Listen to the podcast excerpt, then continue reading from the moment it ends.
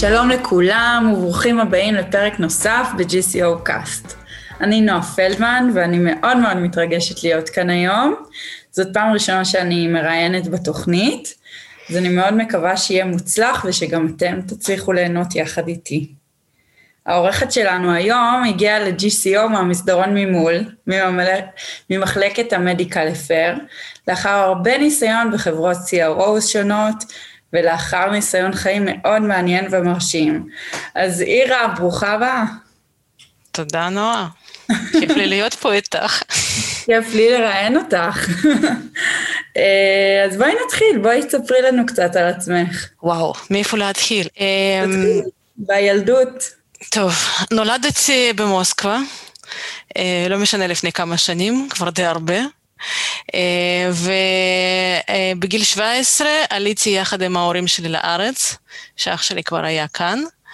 אה, הייתי כבר אחרי התיכון, סיימתי, קיבלתי תעודת בגרות ועליתי לארץ. הגענו ישר לבאר שבע, כי אח שלי היה כבר פה ולמד אה, תואר שני הנדסת חשמל ואלקטרוניקה, ולכן הבחירה הייתה בעיקר בגלל המיקום שלו. זאת הייתה דרך ממש ישרה, טיסה ישרה כזאת, מוסקבה באר שבע, פחות או יותר. זה כנראה היה שוק חיים הראשון שאני קיבלתי אותו, שוק די גדול, שממנו אפשר היה רק לעלות, וזה פחות או יותר מה שקרה. אה, הגענו... יש חוויה מיוחדת, ספציפית, ש... שהייתה, ש... השוק הגדול, איזה מקרה מיוחד שאת זוכרת? לא, זה לא מקרה מיוחד, אני חושבת שזו חוויה מתמשכת הייתה. אני זוכרת את ה, אפילו את, ה, את היום הראשון, זה היה בדצמבר, אנחנו עזבנו, היה בערך מינוס 20 מעלות במוסקבה, נחתנו לכאן, היה כזה יום שמשי, כמו בערך היום. תקלים, הכל היה כזה טוב ויפה, ותחושה שהגענו לחופשה, והגענו למקום איפה שהכי שכר אז את הדירה, זה היה בשיכון ד' בבאר שבע, למי שמכיר, צפון ד', ואני זוכרת שאנחנו נכנסנו לבניין, מעבר לטיפוסים המאוד מוזרים שלא לא, פגשתי כאלה לפני כן, ראיתי כל מיני מזרקים שהיו זרוקים בכל המקומות, אמ, בקבוקים כאלה שבורים שזרוקים ככה. אה, היה לי מאוד מאוד מוזר, וככל שזה זה, זה, זה נמשך, זה, גם החוויות כאלה הצטברו. אה, יחד עם כל הקשיים שיש כמובן שמתלווים לעלייה, ההורים שלי היו קצת יותר מבוגרים באותו, באותו זמן כבר, ו, ולכן זה באמת, החוויות הן היו ש, של הקשיים, של כל הדברים, והרצון העז לצאת משם ו, ולהגיע לרמת חיים ה... הסבירה והטובה שהתרגלתי אליה קודם, והייתי בטוחה שאפשר להגיע אליה גם, גם שוב. נשמע מאוד מאוד uh, קשה. אז איך באמת הצלחת, uh, איך התקדמת, איך עברת הלאה? תראי, אני מניחה שכמו רוב העולים מרוסיה, המוטו העיקרי שהיה במשפחה זה ללמוד, ו, ומשם לבנות את החיים, ולכן באמת זה מה שעשיתי, זה הלכתי, נרשמתי ללימודים, הייתי חייבת לעשות גם שנה של המכינה, כי הייתה לי בגרות מחו"ל, עשיתי את זה באוניברסיטה העברית בירושלים. שוב, משיקולים של המשפחה, לעזור למשפחה, להורים, חזרתי ללימודים של תואר ראשון דווקא בבאר שבע, כי ההורים היו שם, והתחלתי ללמוד ביולוגיה באוניברסיטת בן גוריון. גם זה היה, אני חייבת להגיד, חוויה מבחינתי, כי כשגדלתי במוסקבה, למדתי בבית ספר ריאלי. ובעיקר אני אה, התמקדתי כל החיים שלי בתיכון, במתמטיקה, פיזיקה, מדעי מחשב, הייתי מאוד טובה בזה, והבחירה בביולוגיה הייתה די מקרית. אה, אני אפילו, אני מתקשה אפילו להסביר ו- ולהגיד למה זה, זאת הייתה ביולוגיה ואיך אני הגעתי לשם. חוץ מזה שידעתי שאני לא רוצה להיות מתכנתת, לא ידעתי בדיוק מה אני רוצה. והמחשבות על ביואינפורמטיקה, אולי משהו, משהו בסגנון של המדעי חיים יחד עם, ה, אה, יחד עם משהו שאני באמת הייתי טובה בו, שזה מתמטיקה ומקצועות ריאליים, ככה הגעתי ללימודים של ביולוגיה, שזה גם היה מאוד מאתגר, כי בהתחשב בזה שהשפה שלי הייתה יחסית לא מפותחת באותם השלבים, וביולוגיה זה כן מקצוע שדורש הרבה שפה, זה, זה גם היה צריך, אה, צריך היה באמת להשקיע הרבה מאמץ כדי אה, להצליח בזה ו, ו, ולהגיע למה שאני רציתי ושאפתי להגיע. יפה, נשמע ממש מרשים, באמת, זה נשמע שהתגברת על הרבה מאוד קשיים. אה, כדי להגיע לאן שהגעת. כן, בסוף אני חושבת שהקשיים זה הדבר, לפחות מבחינתי לי, הוא עשה רק דברים טובים. כי הוא דחף אותי, בעיקר זה היה driver מאוד מאוד מאוד חזק להגיע למה שאני רוצה להגיע ולהתמודד עם הקשיים האלה, אה, לראות בהם איזשהו משהו ש, שעוזר לי. אה, להגיע הלאה, להתקדם ו... ולהמשיך ו... ולממש את עצמי יותר. ככה שאני רואה בקשיים, גם היום כשאני אומרת את זה לילדים שלי, אני אומרת קשיים זה לא דבר רע, קשיים זה דבר טוב. ככל שמתגברים על, על קושי ועוד קושי ועוד קושי, אנחנו רק גדלים ומתפתחים ונהיים אנשים יותר, יותר טובים, יותר מקצועיים, ככה שקשיים בעיניי אה, זה דבר ש, שלא צריך לפחד ממנו. כן, אני לא אומרת לא... שצריך... כן. זה לא קושי, זה אתגר. זה משהו שצריך להתגבר עליו וללמוד ממנו ולהמשיך הלאה. חד משמעית. חד משמעית. ככה, ככה אני רואה את ה... באמת, בגלל הניסיון, בגלל הניסיון שהיה לי בחיים, ששוב, אני לא חושבת שהילדים שלי צריכים גם לגור בצפון ד' בשביל uh, לעשות משהו uh, ובשביל להתקדם, אבל אין ספק שהם בוחרים, למשל, בוחרים איזשהו מקצוע, או קורס ללמוד או לא ללמוד, או ללכת, אז אני אומרת, ואומרים שיש קושי, אז אני אומרת, קושי זה מצוין, זה נהדר. יפה, ממש אה, מעורר השראה, באמת, ממש מעורר השראה. אוקיי, אז לאן הלאה? מה המשכת לעשות? אז ככה, קודם כל, אה, אחרי תואר ראשון, אני הלכתי ללמוד, אה, סליחה, הלכתי לעבוד בחברת תרופות, במעבדות רפה, במחלקת שיווק. התחלתי שם כתועמלנית, אחר כך התקדמתי לאיזה שהם תפקידים כזה product manager, project, לא, project manager, team manager, בקיצור יש שם כל מיני תפקידים כאלה קצת יותר ניהוליים, אבל uh, די מהר הבנתי ששיווק uh, זה לא בדיוק בשבילי, אני לא כל כך אוהבת את זה, ולכן uh, במקביל לתואר השני אני החלטתי שאני הולכת לעשות את הקורס של CRA. עשיתי אותו ברחובות, ומיד אחרי זה החלטתי שאני, שאני צריכה לחפש משהו בתחום. התקבלתי לעבוד בתור study coordinator ביחידה למחלות זיהומיות ויחידת HIV באיכילוב. וזה היה בעצם הניסיון הראשון שלי בתחום של המחקרים, שאני עד היום חושבת שזה אחת החוויות הכי, הכי חזקות והכי אה, מעניינות בתחום של המחקרים שאני עברתי. כמו שאמרתי, אני עבדתי בעיקר ביחידה של HIV עם החולים, אה, חולים של HIV, בתל אביב זה בעיקר אוכלוסייה של להט"ב, אה, בעיקר כמובן גברים, כי אצל נשים זה פחות שכיח. נחשפתי לכל כך הרבה סיפורים אישיים, לכל כך הרבה דברים שמלווים את המחלה הזאת, מתלווים למחלה הזאת. בכלל, כל האינטראקציה הזאת שיש בין הצוות המטפל למטופל עצמו, לנו, לי כמתאמת המחקרים ומחוברת הרבה פעמים לכל מיני אספקטים של המחקר ושל המחלה של אותו בן אדם, אה, שזה באמת אה, משהו שאני מתגעגעת אליו גם היום, שעברו מאז יותר מ-15 שנה, זה היה, זה באמת הייתה אחת החוויות בתחום המחקרים המעניינות ביותר.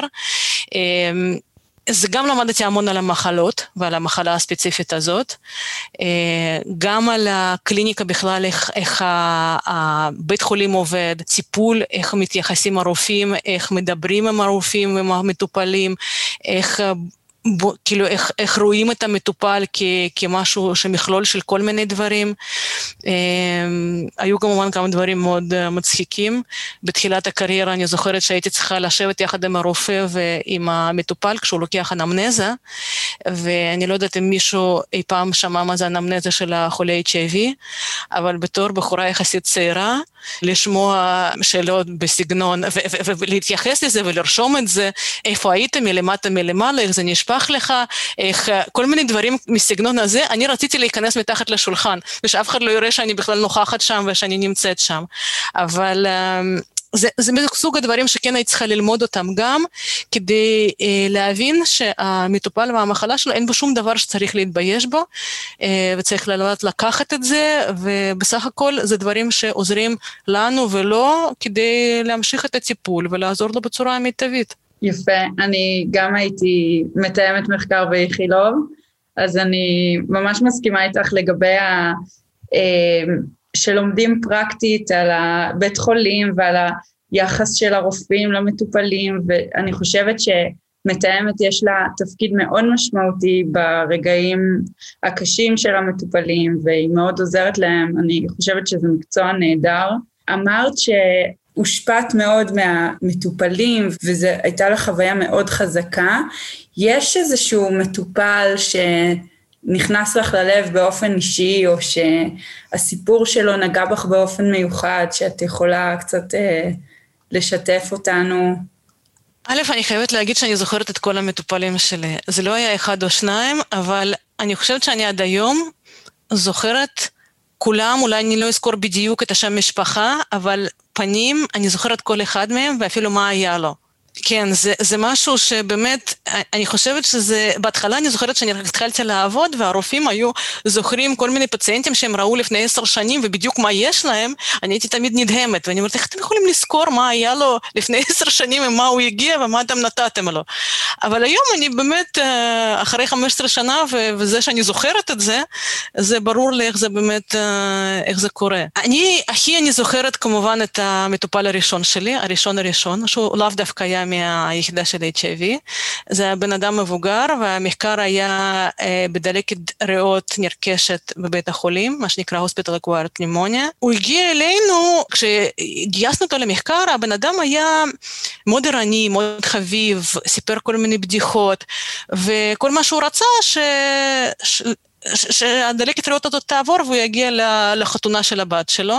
הבת שלו כמובן גם כן הייתה חלק מה, מהטיפול, מכיוון שהחולים באמת, המאושפזים האלה, הרבה שיח והרבה החלטות נעשות גם אה, יחד עם המשפחה. הם בסך הכל הם חלק גם כן מה, מכל המערך המחקרי, אה, ולכן אנחנו, כלומר, אני הכרתי שם את כל המשפחה. הוא התחיל את הטיפול, אה, המצב שלו הידרדר, הנשימו אותו, ואחרי איזשהו זמן התרופה התחילה לפעול.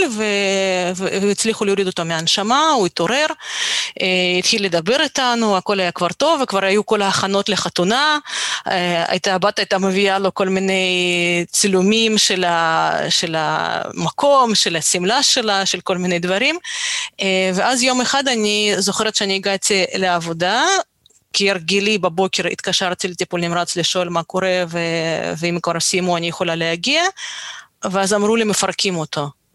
אני בחיים לא אשכח את זה, כי אני אפילו לא הבנתי את הביטוי הזה. וואו. כלומר, הוא פשוט כנראה הידרדר בצורה מיידית, נפטר, ו...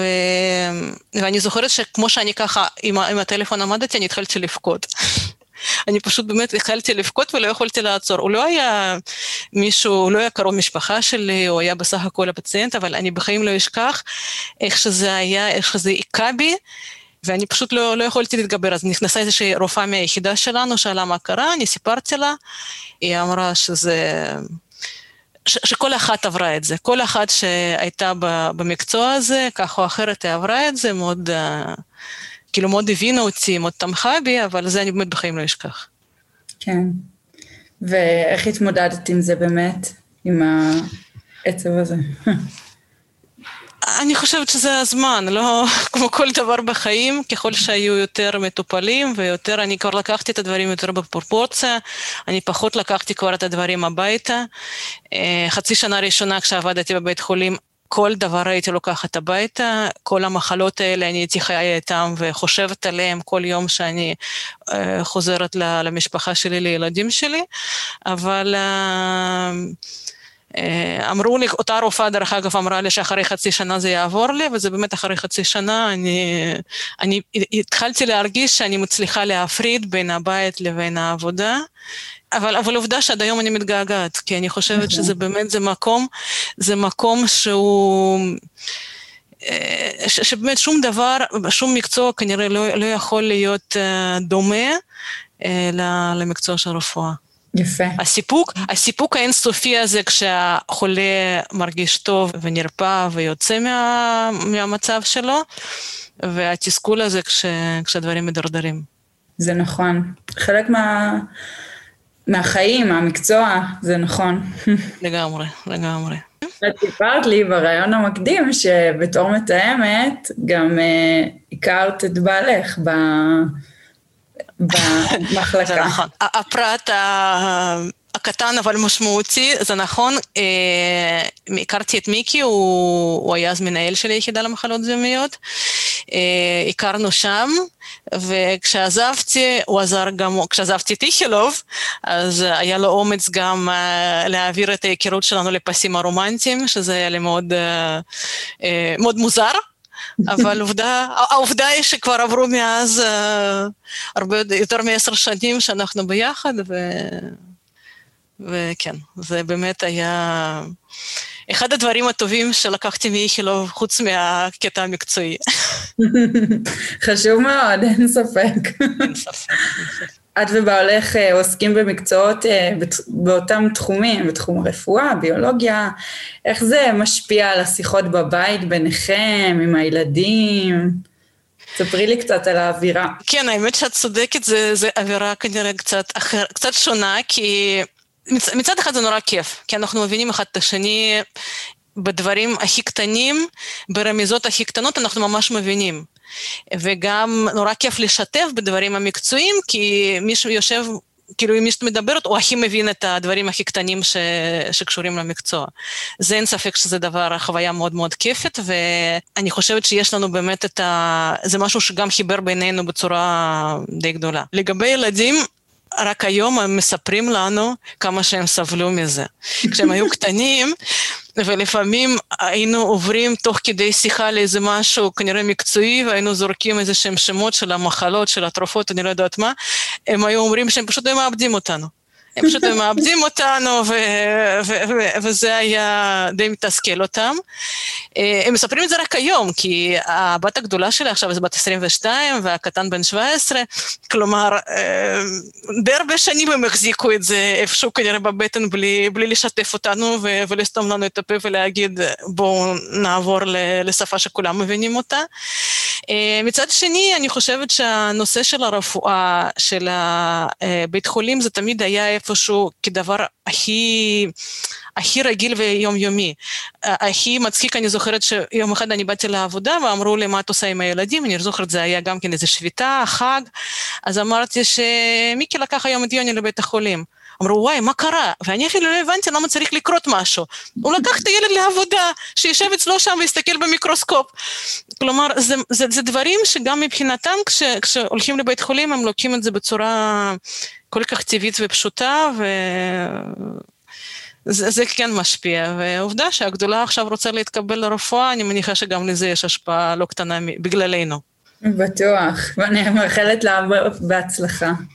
אוי, סליחה. אוקיי, אז אה, אחרי שעזבת את איכילוב, אז זהו, אחרי שעזבתי את איכילוב אני התחלתי לעבוד בתור CRA בחברת GCP, שבאותה תקופה uh, CRA זה היה בערך כזה one man show, שהיה עושה את הכל, uh, כלומר החל מהגשות, uh, טיפול באחוזים, בכספים, כמובן monitoring, אמנם monitoring היה בצורה אחרת, ואני עוד הייתי בתקופה שהיה paper CRF, שאנחנו היינו תולשים את הדפים ושולחים אותם לחו"ל.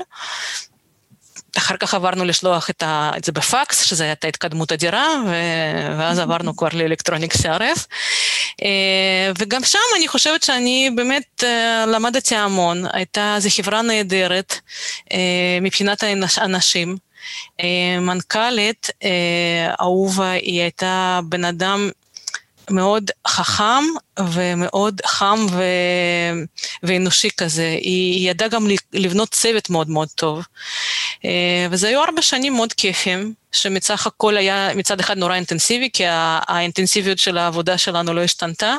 היא, היא אולי, אנחנו היום, כלומר ה site manager עושה קצת פחות דברים, אבל בצורה, ברמה הרבה יותר גבוהה. אה, אבל הדבר אחד היה ונשאר אותו דבר, זה הלחץ והאינטנסיביות שיש, שמתלווה למקצוע הזה. באיזשהו שלב אה, הבנתי שאני רוצה ללכת הלאה, להתקדם. ועברתי לחברת קייטו. ברעיון המקדים גם סיפרת לי שעשית אה, מחקר בתרופה שאבא שלך מקבל היום. נכון, נכון. זה היה אחד המחקרים, אה, היה באותו, באותה תקופה ב-GCP, ב-GCP כמות די גדולה של המחקרים בתרופה שנקראת הפיקסבן. אליקוויס כבר יש לה שם מסחרי, ולפני כמה ימים גיליתי שיש אפילו גנריקה. אז אני הייתי באותה תקופה שזה היו מחקרים של פאזה 3, בהמון המון אינדיקציות, זה תרופה זה פקטור 10A, איניביטור, וזה מיועד לכל מיני בעיות קרישה. כלומר, זה כל מיני בעיות של, ה, של הקרישיות של אדם, שנותנים את זה במצבים של ה-DVT, PE, אה, אם יש איזושהי סכנה אחרת אה, לאירועים טרומבואמבוליים. אז ניהלתי, אני חושבת שאיזה שלושה או ארבעה מחקרים היו לי עם התרופה הזאת, ניתרתי המון המון חולים, ולפני כמה שנים אבא שלי, כן, רשמו לו את התרופה הזאת, אה, לקבל אותה, ובשבילי זה היה מאוד מרגש, זה באמת איזשהו מסלול כזה, שאני ראיתי המון חולים ועברתי על התיקים שלהם בשביל שהתרופה תירשם, והנה אבא שלי כבר מקבל אותה למחלה שלו.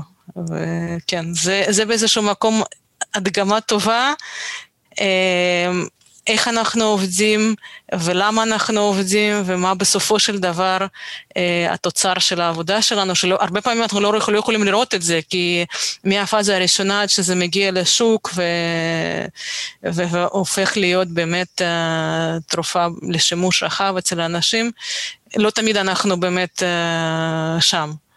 אז זה באמת מאוד נכון. מרגש מבחינתי לראות שהוא קיבל את התרופה הזאת, שהיה אחד המחקרים הראשונים שלי.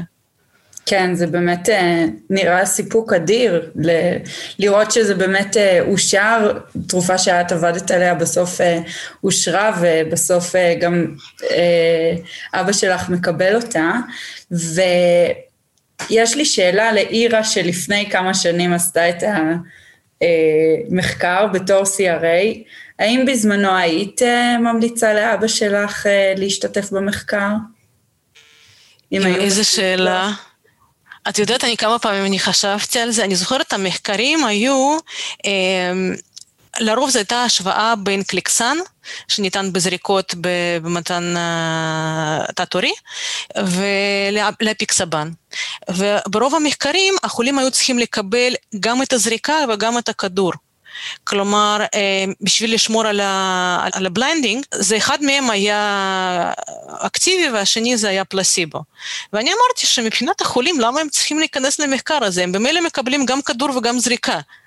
כלומר, זה אך ורק באמת, ו- וחלק מהמחקרים, עד כמה שזכור לי, ה-primary endpoint זה היה, זאת אומרת, ה-objective זה היה non-inferiority, זה אפילו לא superiority. ואני כל הזמן אמרתי, למה לחולים, למה הם צריכים את זה? עם כל הדברים, לקבל גם כדור וגם זריקה.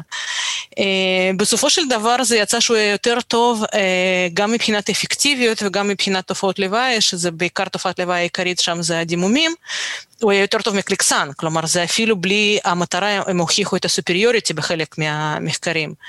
אבל זו שאלה באמת מאוד טובה, לא תמיד אני יכולה כנראה בזמן אמת, בזמן שאנחנו עושים את המחקר, להגיד אה, מה נכון, מה לא נכון למטופל, כי גם המצבים האלה, להבדיל הרבה פעמים מהמחקרים שלנו באונקולוגיה, שזה נותן למטופל איזושהי תקווה, איזשהו קו, איזשהו טיפול מתקדם שאולי יעזור לו, כאן לא היה, לא היה שום אינסנטיב מבחינה מדעית לפחות, להשתתף במחקר, חוץ מכמובן המעקב שהוא קצת יותר טוב, יותר צמוד, יותר, אה, אה, יותר נגישות של הצוות הרפואי, אבל אה, זה, זה באמת שאלה מאוד טובה, ואולי היום אני הייתי מסתכלת על זה קצת אחרת, אולי, לא, לא בטוחה גם עכשיו להגיד את זה, ואם היו שואלים אותי עכשיו, לא יודעת מה, היה יוצא פקטור, פקטור 11, והוא היה גם צריך לקבל גם את הכדור וגם את הזריקה, באמת שאני לא, לא סגורה מה הייתי אומרת. כן, כן, זה נכון, כי אנחנו מנהלים את המחקרים הרבה פעמים, מה... אנחנו מנהלים אותם מהצד, ואנחנו לא יודעים, הרבה פעמים אנחנו, קשה לנו להיכנס לנעליים של המטופל, לנעליים של המשפחה, ולהגיד אה, מה הם מרגישים, מה הם חושבים. אה, מפה בעצם אה, נובעת השאלה. לגמרי, אני מסכימה איתך, ופה אני אומרת לך, זה מה שחסר לי, שאני עדיין מתגעגעת לעבודה של סטאדי קורדינטור. כי זה בדיוק המקום שאנחנו יודעים מה הם מרגישים, אנחנו יודעים מה להגיד להם, איך להגיד, וכמובן אה, שזה יהיה מהצד הכי טוב בשביל המטופל. כן. אוקיי, אז uh, מ-GCP לאן עברת? אז עברתי לקאטו. עברתי לקאטו, uh, שהייתי שם מה שנקרא CRA lead וגם project manager. חברת קאטו היא שונה מחברות, מרוב חברות CRO ישראליות בזה שהיא אה, מנהלת בצורה גלובלית מחקרים אה, של, ה, של היזמים, כלומר היא מנהלת לא רק מחקר בארץ, אלא גם בחלק ממדינות אירופה. אה, זה אמר בפועל שהיה לנו מחקר, אחד המחקרים הגדולים אה, שלצערי לא, לא הצליח, זה היה מחקר ב stroke, והיו לנו מספר מדינות באירופה שהשתתפו, שאנחנו היינו אמורים גם להדריך אותם, גם לעבור על למשל דוחות שלהם, גם לעשות איתם co-monitoring, להגיע למרכזים ולעשות יחד איתם את הניטור. אה, כלומר, הניהול היה גם מכאן, וזה הייתה... זה, זה גם היה חוויה מאוד מעניינת, ואני מאוד, מאוד מעשיר, אני חושבת, כי נחשפתי גם לניהול המחקרים ולניטור, אה, לא רק בארץ, אלא גם בחלק ממדינות אירופה, כשהייתי נוסעת יחד איתם. אה, גם לראות את התיקים, גם לראות איך שהצוות עובד, לדבר עם הרופאים. אה, בעיקר הייתי באיטליה והונגריה, וליוויתי אותם יותר ב...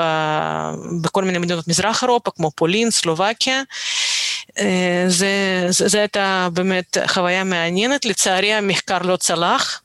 ב-futility analysis ש... שעשו איפשהו באמצע הדרך, הם הבינו שהתרופה כנראה לא, בשום צורה שהיא לא תצליח, והם סגרו ביום אחד, פשוט גם כן זה היה כזה, בבוקר התקשרו ואמרו שסוגרים את הכל. הסטארט-אפ הישראלי הזה שפיתח את זה סגר תוך חודש, פיטרו פחות או יותר את כל האנשים. וואו. כן, זה, זה, זה גם, זה אחד הצדדים ש, שקורים בתעשייה שלנו. יכול להיות שבג'ונסון אנחנו רואים הרבה פחות כאלה דברים, כי בכל זאת חברה גדולה ויש משאבים ומפתחים, כשמגיעים כבר לפאזה שלישית זה דברים הרבה יותר אה, מבוססים. זה היה מחקר, אני חושבת שבכלל בפאזה שנייה, וזה היה באמת אחד הדברים הקשים שאתה, את רואה את הצד הזה של המחקרים, שהוא לא קטן, שיש המון המון המון מחקרים כאלה. כאלה, שפשוט נופלים. ואם זו חברה יחסית קטנה, אז יחד עם המחקר נופל הכל. אז באמת אה, לא נתקלתי בהרבה מקרים כאלה, אבל אה, באמת מסתבר שיש כאלו, כמו שאת אומרת. ומה הלאה? מה הלאה? הלאה אני עברתי לחברה זה, כלומר שוב, אחרי שהיה לי את השוק הגדול הזה בקאטו, שהמחקר שנסגר. אחר כך היו כל מיני דברים קטנים שם, אבל כבר רציתי להמשיך הלאה, לא יודעת, זה כנראה הייתי די פוסט-טראומטית ממה שקרה שם, והחלטתי לנסות לעבוד בחברה גלובלית, אה, ועברתי לאילי לילי. אה, לתפקיד שמאוד דומה ל-Local Trial Manager בג'ונסון, אה, הוא טיפה שונה מבחינת ה-responsibilities, אה, מכיוון שלילי לא, אין להם in-house CRA, וכל העבודה של ה monitoring נעשית על ידי CRO, על ידי IQVIA, Quintiles לשעבר, ו-Local Trial Manager בסך הכל הוא עושה את העבודה של, ה, של הניהול של הפרויקט, כמו, כמו בעצם בג'ונסון, אבל בלי, אמ, בלי לעבוד ישירות עם ה-site managers. עם ה-site managers ובכל מה שקשור לניטור של המחקר. אמ, הייתי בתפקיד הזה בלילי ארבע שנים.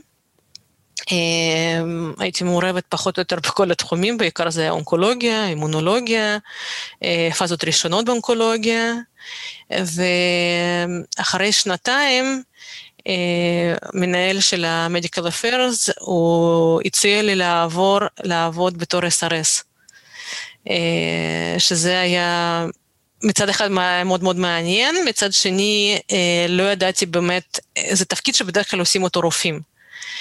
או PhD בחברה, והוא היה משוכנע שאני אוכל לעשות את זה, זה היה מאוד מחמיא. אבל הלכתי לשם קצת עם החששות שבסוף התממשו, כי התפקיד הזה בחברה המקומית הוא בדרך כלל בעיקר נועד בשביל לתמוך במרקטינג. וזה מה שפחות או יותר עשיתי. שנתיים אני הייתי אחראית על כל התרופות האימונולוגיות של לילי בארץ, שגם שם זה היה מעניין מהבחינה הזו שאני למדתי מה קורה באמת בשלב הזה אחרי זה, כשמגישים כבר את התרופה לאישור, עם הנתונים האלה מה עושים, איך בונים את השוק בארץ. ערכתי למשל מה שנקרא advisory boards, אני לא יודעת כמה החבר'ה שלנו מכירים, זה... זה לפגוש את הרופאים המובילים בארץ, להבין מהם איפה הם רואים את המקום של התרופה, להציג להם את התרופה, את כל המחקרים, את כל הדאטה שקיים, להיעזר בהם בכל מה שקשור להגשת תיק רישום, להגשת תרופה לסל. אבל שוב, שורה תחתונה שזה תפקיד, כמו שהבוס לשעבר שלי היה קורא לזה מרקטירי. כלומר, זה יותר מהכל, זה כן, זה, זה שיווק, והיה לי קצת דז'ה וו עם מה שהיה לי בתחילת הקריירה כשהייתי תועמלנית, אמנם זה לא הייתה תועמלנית, אבל זה היה אותו רעיון. הרעיון בסך הכל זה לשווק ולמכור, וכמו שאמרתי גם אז, לא, לא כל כך אהבתי את זה, אני פחות, אני יותר מדי אוהבת לדב, להגיד דברים ישר, מה שאני באמת חושבת, ושיווק, טבעו, צריך להגיע לפינות. גם כשאנחנו באים מהמקום של ה medical, גם כשאנחנו באים מהמקום של כאילו מדע, זה עדיין, זה עדיין שיווק, ולכן אני החלטתי שאני רוצה לחזור למחקרים, איפה שאני מרגישה הכי, הכי בנוח, ובדיוק היה, חיפשו לתפקיד של trial manager במאף, ביאנסן, למחקרים ביוזמת החוקר, מה שנקרא Investigator Initiated Studies. וזהו, ואז אני עברתי ליאנסן, ושם שנה אני הייתי בתפקיד הזה, שזה, מצד אחד זה באמת זה מחקרים, אבל זה מחקרים שהם יחסית פשוטים, לא, לא מתוחכמים. רוב המחקרים שהם ביוזמת החוקר בארץ, התקציבים שלהם יחסית לא גבוהים, ולכן זה לרוב uh, מחקרים ללא תרופת מחקר, non-interventional studies, כלומר דברים שהם... Uh, פחות מאתגרים. וכמו שהתחלנו, אני אוהבת שיש קשיים, שזה מעניין, שיש אקשן, ובאיזשהו שלב באתי לילך ואמרתי, רוצה אקשן, ו- וזהו, ו- וככה עברתי ל-GCO וקיבלתי את האקשן. איזה כיף לנו, איזה כיף שהגעת אלינו. האמת שגם לי כיף, אני באמת חושבת שזה, בשבילי, בשביל האופי שלי, זה חד משמעית, זה היה את ההחלטה הנכונה. יפה. אז מה את אוהבת ביאנסן בעצם? אחרי שעברת כל כך הרבה חברות ואחרי ניסיון כל כך מרשים בתחום, מה את חושבת שמיוחד ביאנסן? תראי, כמו כל דבר, היא מיוחדת. יאנסן זה חברה מיוחדת. קודם כל, אני חושבת מבחינת האווירה, משהו שהוא מצד אחד נורא גדול, ומצד שני כן משתדלים לשמור על, ה, על המשפחתיות, על, ה, על הקשר בין האנשים, שזה מפליא אותי כל פעם מחדש, במיוחד שכל פעם מודיעים שעוד מישהו יצטרף אלינו, ואנחנו כבר 50, 60, 70, 80 אנשים, ועדיין יש את התחושה הזאת ש, שאנחנו כאילו, כאילו משפחה. אמנם גדולה, אבל, אבל משפחה. אני חושבת שזה אחד הדברים המאוד יפים. יש את העניין, אני חושבת שהוא מאוד חשוב, של התמיכה, התמיכה המקצועית אה, בקטע של ההדרכות.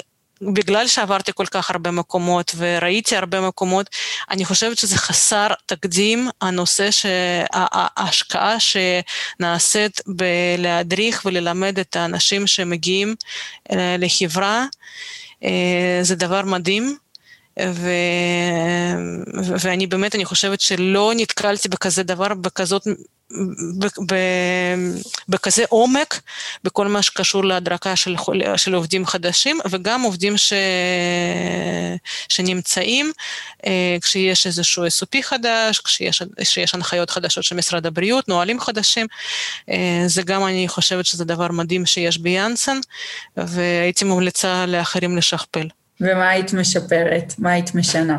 הדבר שהוא יותר קשה לי, והוא גם, אני חושבת שהוא יותר אה, חזק אולי ביאנסן ממקומות אחרים שראיתי, זה הנושא של הריבוי של המטריקס, טבלאות ובירוקרטיה, ש... אני באיזשהו מקום חושבת שאפשר לצמצם את זה. כלומר, הצורך בלעדכן כל מיני מערכות וחס וחלילה לחרוג מהתאריכים, לפעמים זה קצת מתסכל, כי ההרגשה היא שאנחנו מפנים המון המון אנרגיה בדברים שהם לאו דווקא ישפרו את, ה, את ה safety של המטופלים שלנו, של data של המחקר שלנו, אלא יותר של ה metrics עצמם, כלומר שזה משהו שנעשה בשביל ה metrics עצמם, שהחברה מאוד מקפידה ורוצה אותם, אה, זה משהו שאני כן הייתי מעדיפה לצמצם עד כמה שזה תלוי בי. לא, לא חשבתי מה ואיך, אבל זה, זה, זה אולי אחד הדברים שיותר בולטים ביאנסון.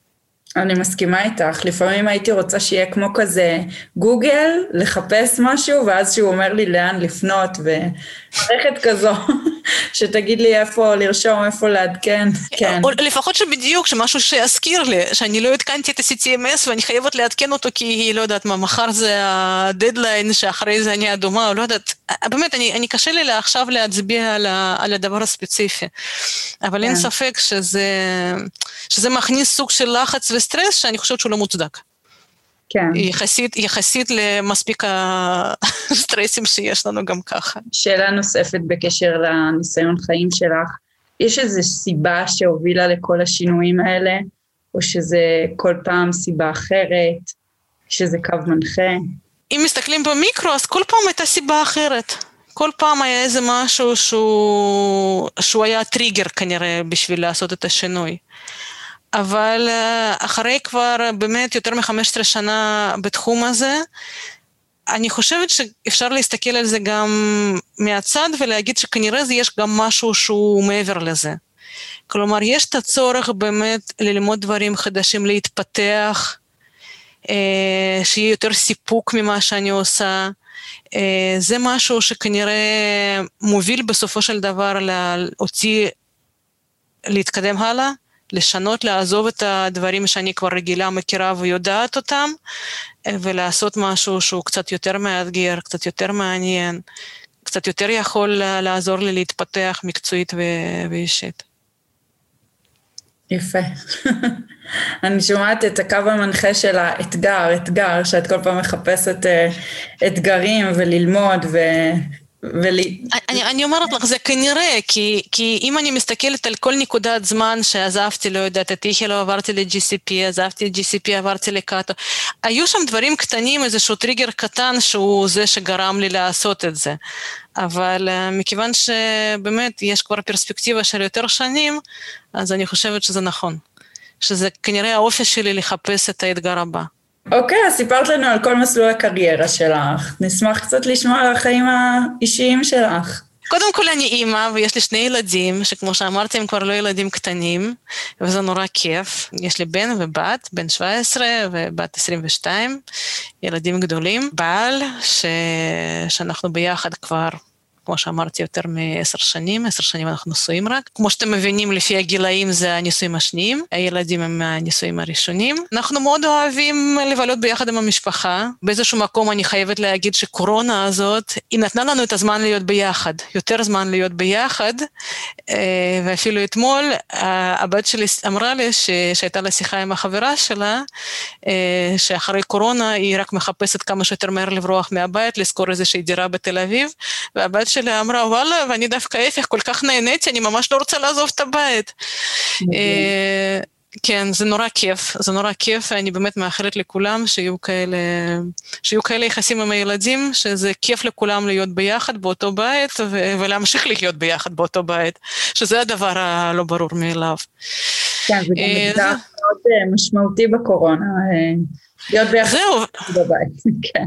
אז זהו, שאני אומרת שלנו בקורונה, אחד הדברים הטובים שקרו, שאנחנו פתאום ישבנו כמעט כל ערב לאכול ארוחת ערב ביחד, ודיברנו המון, ולמדנו אחד על השני המון, כמה שזה נשמע מצחיק, אבל כשיש את הטירוף של החיים וכל אחד בדברים שלו, והרבה פעמים כל אחד אוכל בזמן שלו, או שזה עובד, או שיש לו חוג, ויש לו, כל אחד יש לו דברים שלו, שאני כבר לא מדברת על המיקי שהוא בבית חולים אה, פחות או יותר חצי מהזמן, ואז פתאום נהיה הזמן הזה ביחד, ו... ומאוד נהנינו ממנו. וסיפרת לי גם שיש לך אה, תחביב מאוד מיוחד. את רוצה לשתף אותנו? כן, בטח, בשמחה. כש... כשעוד היינו בתקופה של, ה... שרק התחלנו, עברנו לגור ביחד, אה, למיקי היה יום הולדת והוא אמר שהחלום שלו זה לעשות רישיון סקיפר. הוא כל החיים שלו חלם על איזושהי סירה, יאכט או משהו, והוא רוצה לעשות רישיון סקיפר. הוא הלך לעשות את הרישיון הזה, סיים אותו איפשהו בסביבות חודש יולי, חודש יולי כזה, ואמר שמתארגנת קבוצה בבית ספר איפה שהוא לומד, אה, לצאת אה, לים יחד עם המשפחה, מה שנקרא פלוטילת משפחות. כמה יאכטות ששוכרים אותם בחו"ל, ויאכטות האלה שתות ביחד ממקום למקום כל היום, בערב עוצרים באיזושהי גינה, באיזושהי מרינה, אה, ובבוקר ממשיכים הלאה. ובכל יאכט יש משפחה, או כמה משפחות, וככה זה, יש כזה חופשה כזאת של, ה, של המשפחות, שעם התחביב הזה המשותף לכולם של השייט. אני חייבת להגיד שאני, כמו שאתם מבינים, נולדתי במוסקו, לא היה קשר ביני לבין ים, פחות או יותר כלום. בארץ אני אף פעם לא, לא התחברתי יותר מדי לים, אבל אמרתי, טוב, בן אדם כל כך אוהב, וילדים בטח ייהנו, למה שלא ננסה את זה? ומאז זה באמת הפך ל... לאהבה, הייתי אומרת אהבה משפחתית של כולם. אה, אנחנו יצאנו אז לאותה פלוטילה, הילדים שלי היו ממש קטנים, יוני היה בן שלוש, מיכל הייתה בת uh, שמונה, והיה גם, הצטרפו גם הילדים של מיקי מנישואים הקודמים, וזה היה פשוט מדהים. זו הייתה אחת החופשות המדהימות שהייתה לנו, היה חום אימים ביאכטות, uh, באותה תקופה לא היו מזגנים, ו... היה חום פשוט באמת נוראי, היינו בטורקיה. אה, אם להסתכל על התנאים האלה, ליהנות שם פחות או יותר לא היה מכלום, אבל אנחנו עם השייט הזה, עם החוויה הזאת של לקפוץ לים מהיאכטה ולשחות, והמשפחות האחרות שמצטרפות גם כן עם הילדים, מאז זה הפך גם לאהבה, גם לחופשה אולטימטיבית, וכל שנה בערך בקיץ אנחנו שוכרים יאכטה ושתים. אחרי שנה, אחרי השנה ההיא, אה, שנה לאחר מכן אה, היינו בקרואטיה, ואחד המדריכים באחת היאכטות הרגיש לא טוב. וכשמישהו מרגיש לא טוב, אני, כולם נזכרים שיש לי רופא בבית. אה, מיקי אבחן שיש לו כנראה דלקת קרום המוח, כן, זה היה viral meningitis כזה, והודיע שהוא צריך לקחת אותו לבית חולים. ומה שקרה שכל היאכטות הפליגו, המשיכו להפליג, ואנחנו נשארנו על החוף, אני והילדים נשארנו על החוף, כי מיקי לקח את המדריך הזה לבית חולים בספליט בקרואטיה. ואז אני הבנתי שזה לא ימשיך ככה, אני חוזרת לארץ ועושה רישיון סקיפר, וגם אני יודעת להשית יאכטות. אם אני יודעת לנהוג באוטו, אני גם יודעת להשית יאכטות. ואז שנה אחרי זה אני גם נרשמתי, עשיתי גם את הקורס, ומאז גם לי יש רישיון, ואנחנו, ואנחנו משיתים את היאכטות, כבר כמה פעמים יצאנו בכלל בלי אף אחד, אה, שיש לזה גם יתרונות וגם חסרונות כמובן, אה, וזה באמת, זה תחביב ש... שאנחנו מאוד מאוד אוהבים אותו. גם הילדים, דרך אגב, עכשיו אה, שניים שהשתחררו כבר מהצבא, הבן הקטן של מיקי והבת הגדולה שלי, הם גם רוצים אחרי קורונה לעשות את הקורס ולעשות רישיון.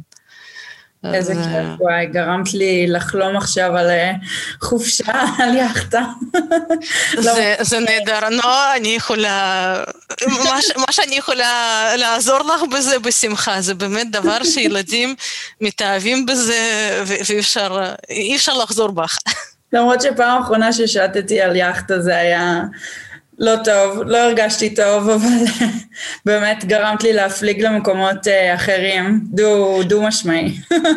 אפרופו לא הרגשת טוב, אני רוצה להגיד שבאותה הפלגה הראשונה, הראשונה שלנו בטורקיה, אני זוכרת שאני והבת שלי, אנחנו פחות או יותר היינו כל הזמן במצב שאנחנו מקיאות וממשיכות, מקיאות וממשיכות. וזה באמת היה נורא מצחיק, כי במקום שזה יישאר לנו כאיזושהי חוויה טראומטית, או לפחות, לכל הפחות שמשהו לא נעים, אנחנו באמת, אני אומרת, פשוט התאהבנו בזה. שאני, גם הסייד אפקט היה שהורדנו כמה קילוגרמים טובים אחרי ההפלגה הזאת, אבל זה משלימים, זה לא, זה לא משהו שמחזיק מעמד להרבה זמן. פשוט מתרגלים. גם הנושא הזה, שאני לא יודעת כמה, כמה מכירים, אבל העניין הוא ש, שגם לזה מתרגלים, והגוף שלנו מתרגל והוא פחות מגיב כבר אה, גם למחלת ים. כמובן שגם עד גבול מסוים, אבל mm-hmm. גם על זה אפשר להתגבר. ולאן היית, אה, יש איזה מקום שהיית רוצה לחזור אליו, שהוא יפה במיוחד, כיפי, מעניין במיוחד, ששטת אליו?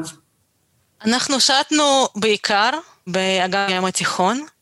היינו הרבה מאוד פעמים ביוון, היינו בטורקיה כשעוד אפשר היה לנסוע לטורקיה, היינו בקרואטיה כמה פעמים, במונטנגרו, אה, באיטליה, בספרד. אני רוצה להגיד שמבחינתי כל המקומות הם באמת הם מהממים וכיפים והכול, אבל אני, האהבה האמיתית שלי זה הייתה ונשארה אה, ים היוני ביוון.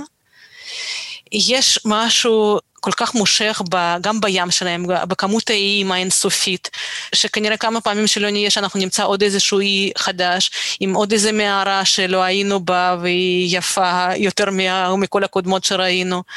אה, האווירה שיש על החוף, כי כמו שאמרתי, אנחנו הרי כל ערב, אנחנו בדרך כלל משיתים רק, אה, אה, רק ב, ביום, ובלילה אנחנו עוגנים באיזושהי טברנה, באיזשהו מקום שיורדים לחוף. האווירה שיש ביוון, האוכל שלהם, זה משהו שאני באמת, בעיניי לפחות אין, אין מתחרים להם.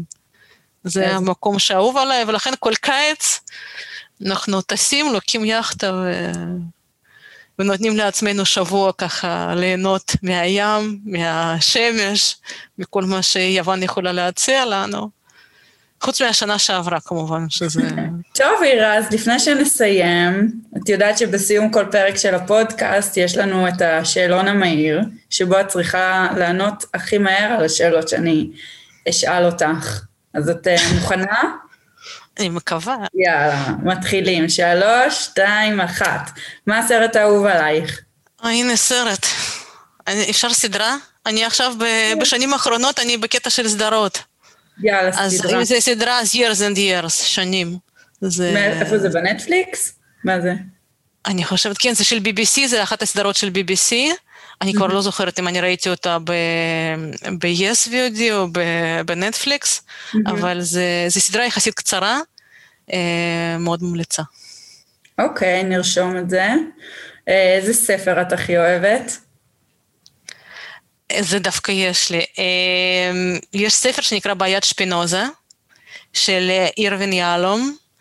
זה ספר שמספר שתי עלילות כאילו במקביל, אחת של שפינוזה, של ברוך שפינוזה, והשנייה שכביכול בכלל לא מחוברת לעלילה הזאת, אה, של איזה נאצי, אחד רוזנברג נדמה לי קראו לו, כן קורא ו- ומנסה להבין ולהתעמק בכתבים של השפינוזה.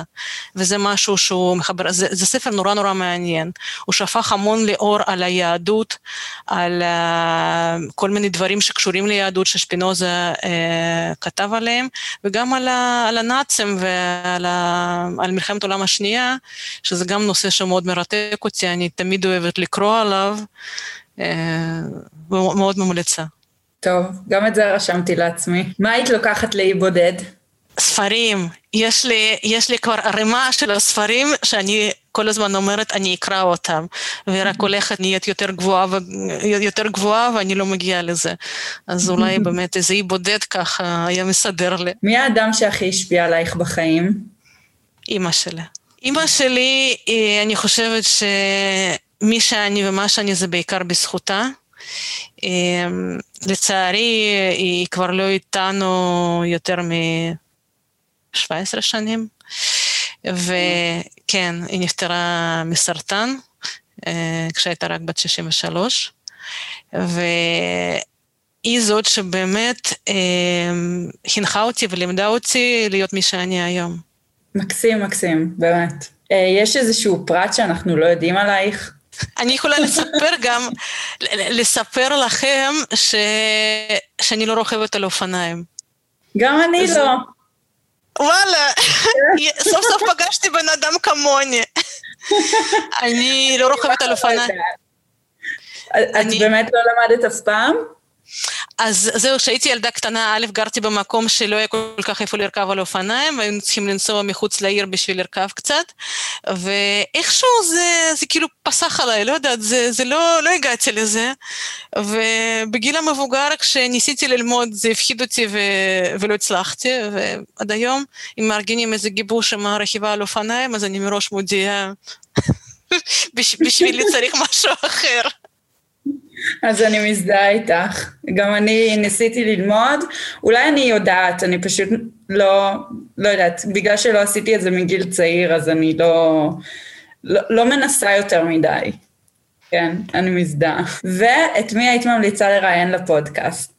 האמת שאת כולם, כל כך מעניין, אני כל כך אוהבת את, ה, את הדבר הזה, שאנחנו מצליחים להכיר את האנשים אה, גם בתנאים המוזרים שאנחנו נמצאים בהם, וכשמגיעים אנשים חדשים שאנחנו בקושי יודעים אה, איך הם נראים, אה, באמת, אני כל פודקאסט האלה נורא מעניין, אני מאוד נהנית לשמוע, אז אני לא יכולה לבחור מישהו ספציפי, על כולם אני רוצה לשמוע ולדעת ולהכיר אותם יותר. אירה, תודה רבה. תודה רבה שהיית איתנו. אני ממש נהניתי, היה לי ממש כיף לשוחח איתך. אני מקווה שגם את נהנית. בהחלט, תודה רבה רבה. את היית באמת מראיינת מאוד נחמדה ומאוד uh, כיפת. איזה כיף, אני שמחה לשמוע. טוב, אז uh, נתראה בפרק הבא. ביי. ביי ביי.